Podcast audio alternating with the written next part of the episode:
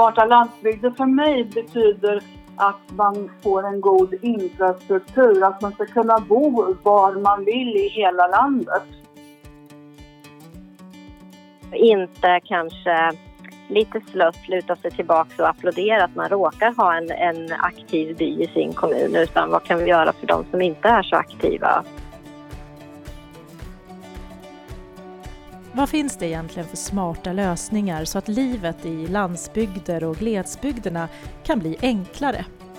Det är det det här avsnittet av Landet, podden Bortom storstan, ska handla om.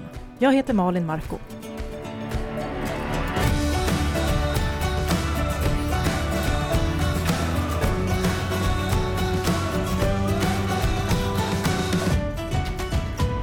Ja, smarta landsbygder är ett begrepp som vi har pratat tidigare om i landet. I stora drag handlar det om till exempel att dra nytta av digital teknik, hitta lokala finansieringslösningar, korta livsmedelskedjor och samordning av service, men också om att samverka på lokal, regional och nationell nivå. Det finns alltså inte en och samma modell för vad smarta landsbygder kan innebära. Så vilka samhällsutmaningar kan det här sättet att arbeta påverka och finns det goda exempel på lösningar idag? Med mig för att diskutera det här har jag Karin Weinhede som är ordförande i byalaget Kreativa Läppe. Daniel Granello, landsbygdsutvecklare i Region Kalmar och så Regina Vestas, samhällsstrateg i Vingåkers kommun. Välkomna allihop! Ska börja med att vända mig till Regina. Ofta talas det om att vi står inför stora samhällsutmaningar som kräver att både medborgare och samhällsaktörer måste vara med för att lösa. Vad är det för problem vi fokuserar på när vi pratar om modeller av smarta landsbygder som en lösning? Jag representerar den kommunala nivån här och det största problemet jag har stött på genom alla år jag jobbat med landsbygdsutveckling är väl egentligen att kommuner och även regioner i viss mån behöver se sig själva som, möjliggörare, att det är vi som skapar förutsättningar för att utveckling ska kunna ske och att bygder ska kunna bli smarta och att vi tillsammans ska kunna hitta nya tillvägagångssätt på samhällets utmaningar. För det kommer ju ständigt nya i ny form vartefter samhället utvecklar sig. Eh, och inte kanske lite slött luta sig tillbaka och applådera att man råkar ha en, en aktiv by i sin kommun utan vad kan vi göra för de som inte är så aktiva? Hur kan vi få dem att bli smartare och jobba gemensamt? Det kräver samverkan. Mm. Daniel, vad tänker du? Ja, men jag håller med Regina där. Jag tycker definitivt att det är jätteviktigt att både kommun och region engagerar sig i det här mycket. Och jag tror det för, för, för kommer väldigt mycket arbete på kommunal nivå med de här eh, lokala initiativen. Men jag tror att regionerna skulle kunna ta ett steg framåt i många fall och eh, engagera sig lite mer direkt mot lokal nivå tillsammans med kommunerna naturligtvis. Jag tror det är viktigt. Mm. Nu ska jag vilja ha ett svar från er alla tre. Är, om, om ni ger mig tre ledord som beskriver vad smarta landsbygder betyder för just dig. Om vi börjar med Karina. Smarta landsbygder för mig betyder att man får en god infrastruktur, att man ska kunna bo var man vill i hela landet. Eh, och att man tar tillvara på den teknik som vi faktiskt har och utnyttjar den på ett vettigt sätt. Mm. Daniel, vad tänker du? Ja, för mig är smarta landsbygder, det kan ju vara väldigt mycket, men jag tycker gemensamt är då att man tar utgångspunkt i de här lokala förutsättningarna som finns och att man själv liksom håller i taktpinnen för utveckling. Eh, och i detta då eh, ta del av kunskap och nya tekniker och samarbeten på olika sätt. Men att man, man har ett driv lokalt som, som gör att man kan komma framåt. Mm. Regina, för dig då, vad, betyder, vad beskriver smarta landsbygder för dig?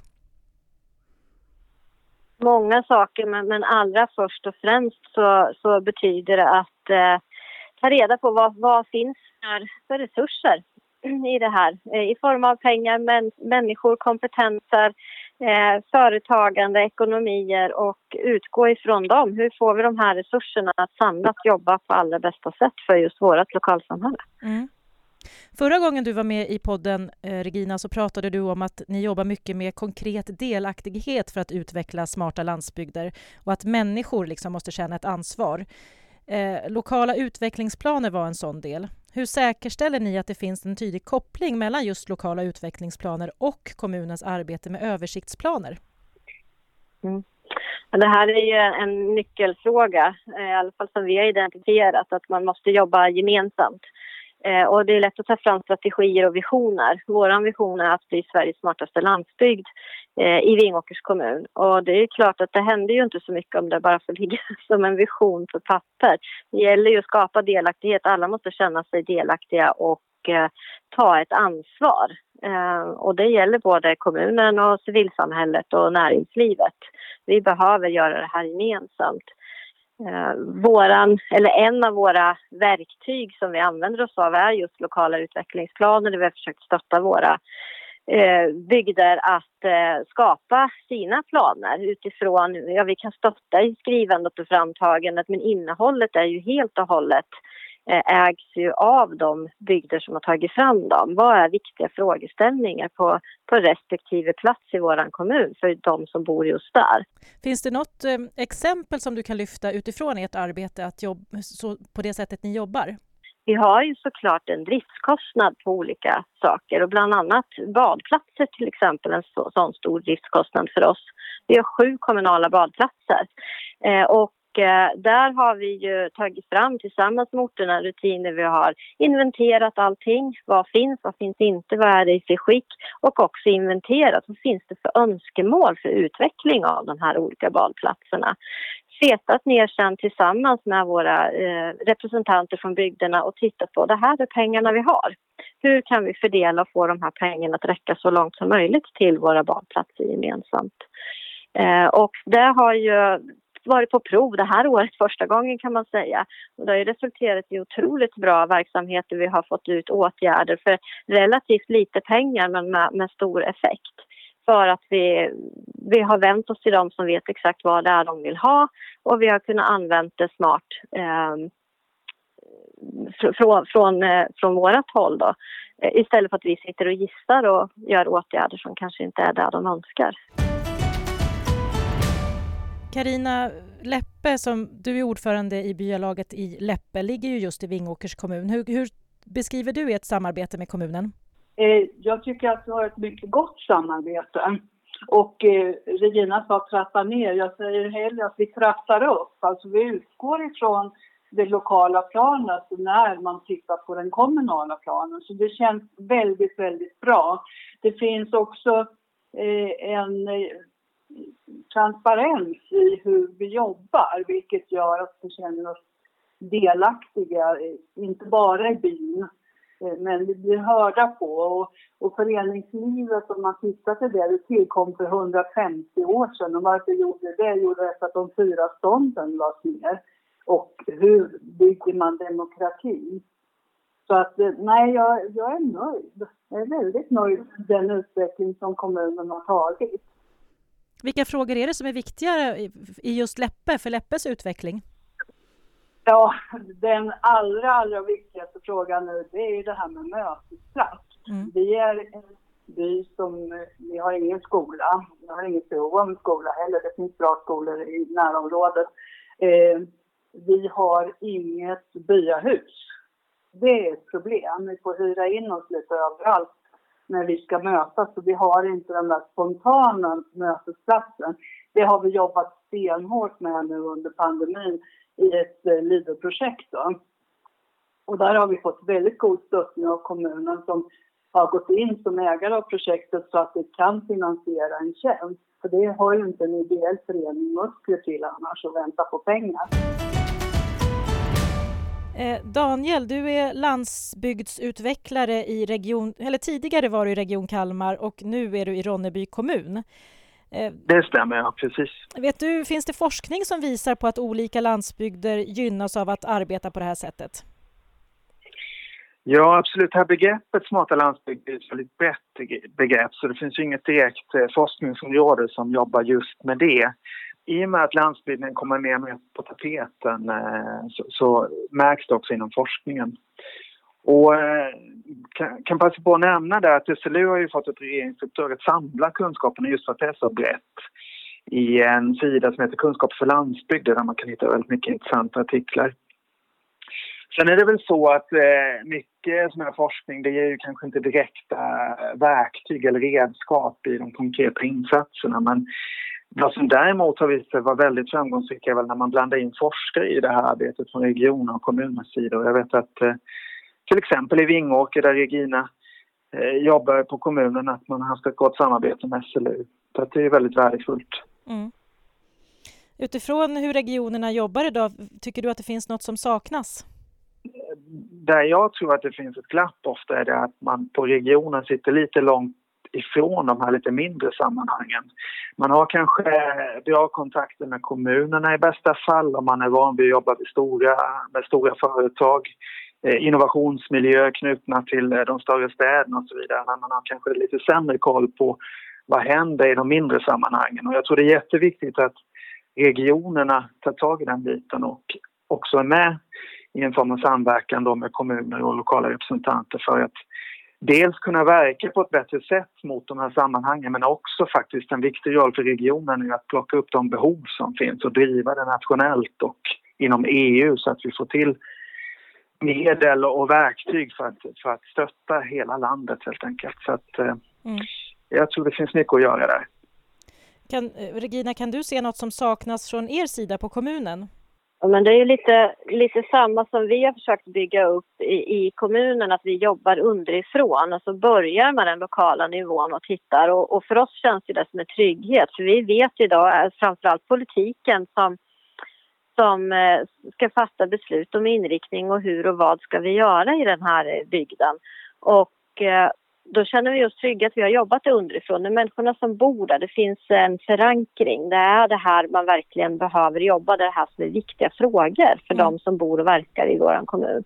Och då får ju vi en bra kommunal styrning på eh, helheten, vad som är bäst för vår kommun. Och i, i min drömvärld så skulle det, det vara nästa steg att kommunernas, de här dokumenten och strategierna är de som ligger till grund för de regionala strategierna. Eh, och eh, det andra steget som man glömmer här det är ju kopplingen till till exempel Agenda 2030. Var är det någonstans de målen ska uppfyllas i praktiken? Det är ju på den väldigt lokala nivån. Vad tror du Daniel som kommer från en, från en region? Eh, skulle regionerna ha möjligheten att jobba på det här sättet underifrån?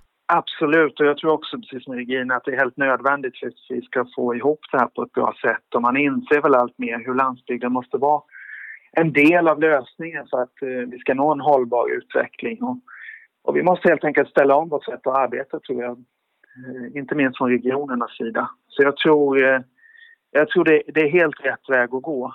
Och precis som Regina säger också att de här strategierna, vi har ju väldigt mycket strategier på regional nivå, även på kommunal nivå. Eh, att det finns en, en, eh, att man tänker efter ordentligt och jobbar tillsammans med ett under, underifrånsperspektiv så det blir realistiskt. För det är väldigt lätt att sådana här strategier blir irrelevanta helt enkelt eh, om man har tagit fram dem på mm. egen hand. Så att, eh, absolut, mm. jätteviktigt. Jag tror det finns stora möjligheter. Tror du att det finns en vilja då? Ja, men det tror jag. Men jag tror att man, eh, man samlar nu ganska mycket efter redskap och sätt att jobba. Det är klart att det det är en ny verklighet på många sätt. Och jag tror att regionen, jag tror det finns en vilja, absolut. För att jag ser, det är ju väldigt eh, i fokus nu, eh, relationen stad och land och hållbar utveckling. Och jag tror absolut att det finns en, en vilja att förändra arbetssätt. Det tror jag. Karina, du som har erfarenhet av att jobba på just lokal nivå, vad, vad, vad, tycker du att ni skulle behöva av kommunal och region, regional nivå för att kunna jobba ännu bättre på lokal nivå?